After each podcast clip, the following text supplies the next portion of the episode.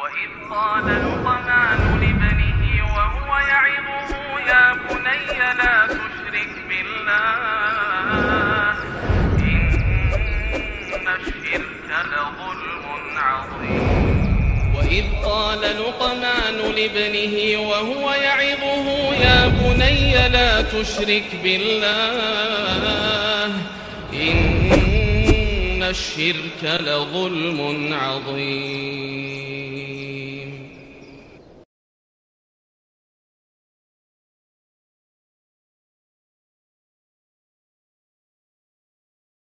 Kemudian ikhwah. Selanjutnya, ar-rajulu yuladu lahu wa laysa indahu ma ya ya'uqqu bihi yaumas sabihi. Ayyuma ada seorang seorang yang dia baru lahiran dia baru lahiran seorang anak namun dia nggak punya dana.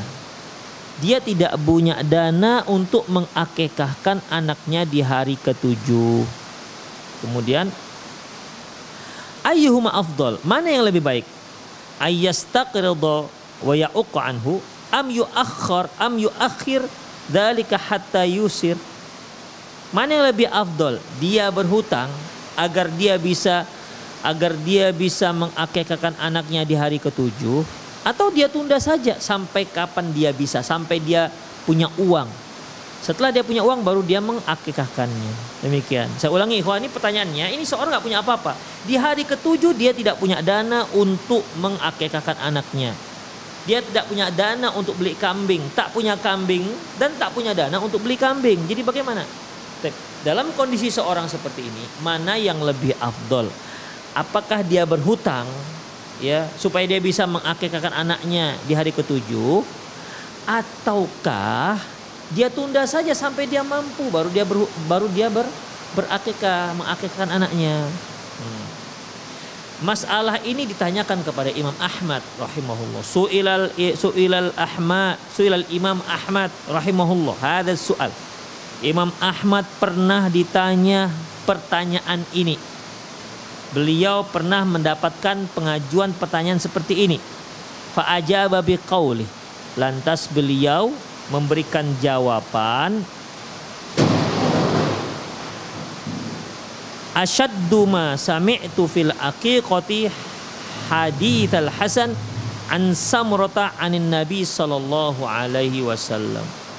Sesungguhnya yang paling dahsyat yang pernah kudengar dalam masalah akikah yaitu hadis hasan dari Samurah anin nabi sallallahu alaihi wasallam dari Nabi sallallahu alaihi wasallam kullu gulamin rohinatun bi aqiqatihi setiap anak itu tergadai dengan akikahnya.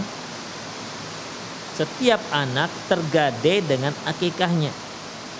Wa inni la arju in istaqrada ayu ajjilallahu lahu bil khalafi li'annahu ahya sunnata min sunani rasulillahi sallallahu alaihi wasallam wattaba'a ma bihi.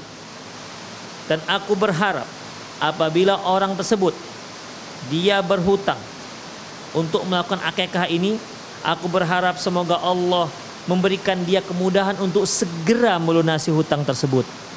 Karena apa? Karena dia telah menghidupkan salah satu sunnah Rasulullah SAW dan mengikutinya dan mempraktekkannya atau mengikutinya. Itu kata Imam Ahmad. Baik. Penulis mengatakan wadhahir wallahu alam kata penulis zahirnya Allah alam maksudnya masalah seorang laki-laki itu ketika dia nggak punya dana di hari ketujuh apakah dia hutang untuk akekah ataukah dia tunda saja sampai dia mampu. Baik. Zahirnya kata penulis wallahu alam anna hadhi fi man ghalaba ala dhannihi annahu yastati'u radda hadzal qard bisabab min asbab yasar. Adhafara bil mali fi waqtil qarib. Zahirnya kata penulis uh, fatwa Imam Ahmad ini fatwa Imam Ahmad rahimahullah ini itu terkait dengan seorang yang yang dia punya keyakinan mampu untuk membayar hutangnya. Mampu untuk membayar hutangnya dengan satu sebab. Kadang-kadang kan begini ikhwah. Kita berhutang. Berhutang dan kita sudah tahu kita mau bayar hutang kita pakai apa Kadang-kadang ada orang yang punya rumah sewa, ya, di mana rumah sewa ini akan uh, uang uang sewa rumah ini akan cair misalnya di bulan Februari sementara ini masih Januari ya. Dan di Januari ini bertepatan dia sangat butuh dengan sejumlah uang. Akhirnya dia berhutang dan dia yakin di bulan Februari adalah sejumlah uang untuk melunasi hutang ini ya jadi kata penulis zohirnya zohirnya Imam Ahmad berfatwa seperti ini itu terkait dengan orang-orang yang di mana dia punya dia dia dia yakin bahwasanya dia bisa bayar hutang. Mungkin dengan satu sebab seperti kita katakan tadi mungkin adalah yang mau dijualnya ini kalau laku amanlah dia langsung lunaskan hutangnya atau dia punya uh, apa namanya akan menerima sewa rumah atau menerima warisan apalah namanya ya. Kemudian atau dia atau dia akan mendapatkan uang dalam waktu ter, dalam waktu yang dekat Demikian. Wa illa faman kana faqiran faqiran uh, faqiran syadidan la yumkinu ayyumar syar'an biftiqa biqtiradi summa yudayyi' huquqan nas ba'da dhalik. Kalau ternyata dia sendiri ketika berhutang tidak tahu dia mau lunaskan pakai apa. Ya. Dia berhutang, dia berjanji akan lunaskan uangnya hutangnya tiga bulan lagi tapi dia sendiri belum tak terfikir oleh dia, belum terfikir oleh dia, dia lunaskan pakai apa? Paling dia bekerja, bekerja yang mana tahu dapat rezeki, rezeki nomplok, kemudian uh, dia bisa lunaskan. Jadi uh, ketika dia berhutang itu, dia nggak terfikir oleh dia, belum ada dalam benak dia itu lunaskannya pakai apa. Demikian. Ikhwah, kita saya kira masing-masing kita pernah berhutang lah ya, pernah berhutang. Ketika kita berhutang kan kita punya ada ada dalam benak kita ini ini saya bisa bayar insya Allah. Dengan uang ini dengan uang ini uang ini misalnya. Atau nanti setelah saya gajian saya bayar. Ada uang untuk membayar hutang. Ada orang berhutang untuk kebutuhan dia dia sendiri nggak tahu tuh bagaimana cara melunasi hutangnya. Demikian. Sementara dia butuh ini. Mungkin untuk uang sekolah anak ya mungkin untuk uang sewa rumah berikutnya tahun berikutnya. Dan dia belum belum belum terbersit dalam pikirannya dilunasi pakai apa.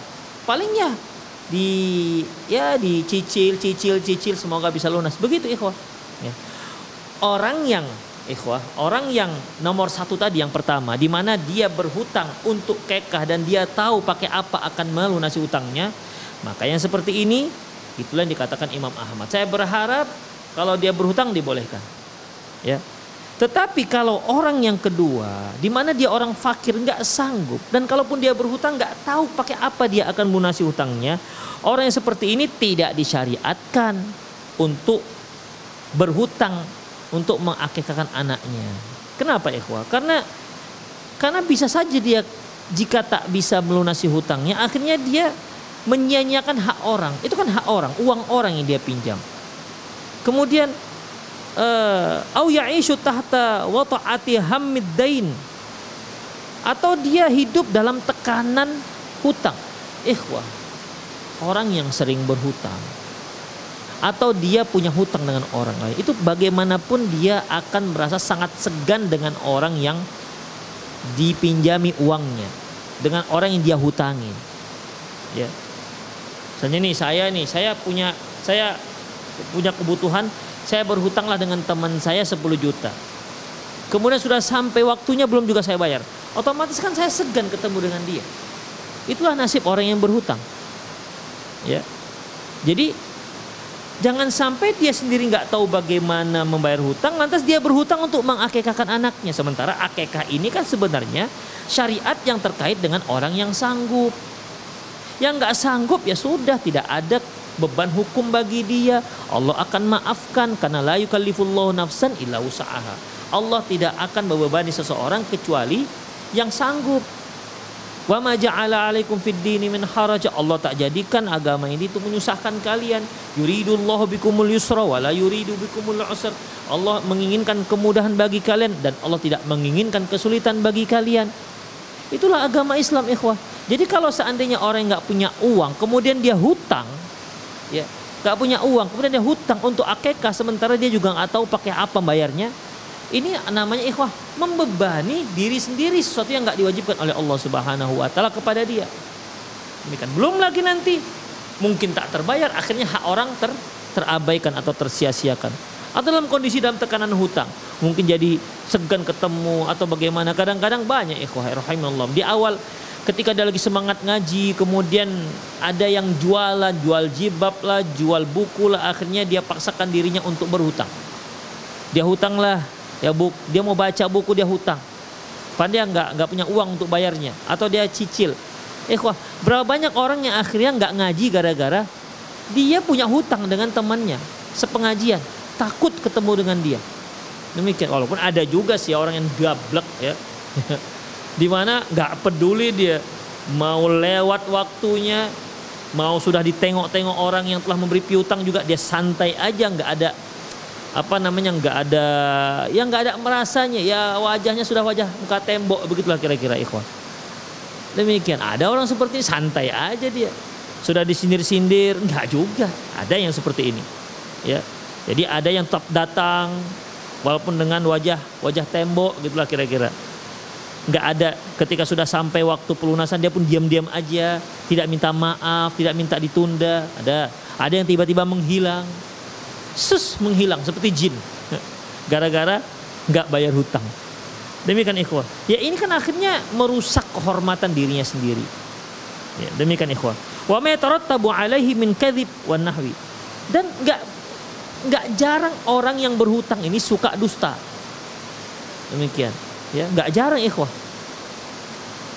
makanya ya antara hutang dengan Orang yang berhutang yang menyia-nyiakan hutangnya itu sering akhirnya berdusta.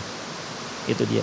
Wa qad qala Nabi sallam Inna rajula idza gharama haddatha haddatha fakadzib wa'ada fa akhlaf muttaqun alaih. Rasulullah katakan seorang itu kalau dia sudah berhutang Orang yang berhutang kata Rasulullah, kalau dia ngomong akan dusta. Kalau dia berjanji, dia akan ingkari janjinya. Pungkiri janjinya. Rasulullah bilang muttafaqun alaih hadis diriwayatkan oleh Imam Bukhari dan Muslim. Makanya ikhwah jangan berhutang, ya.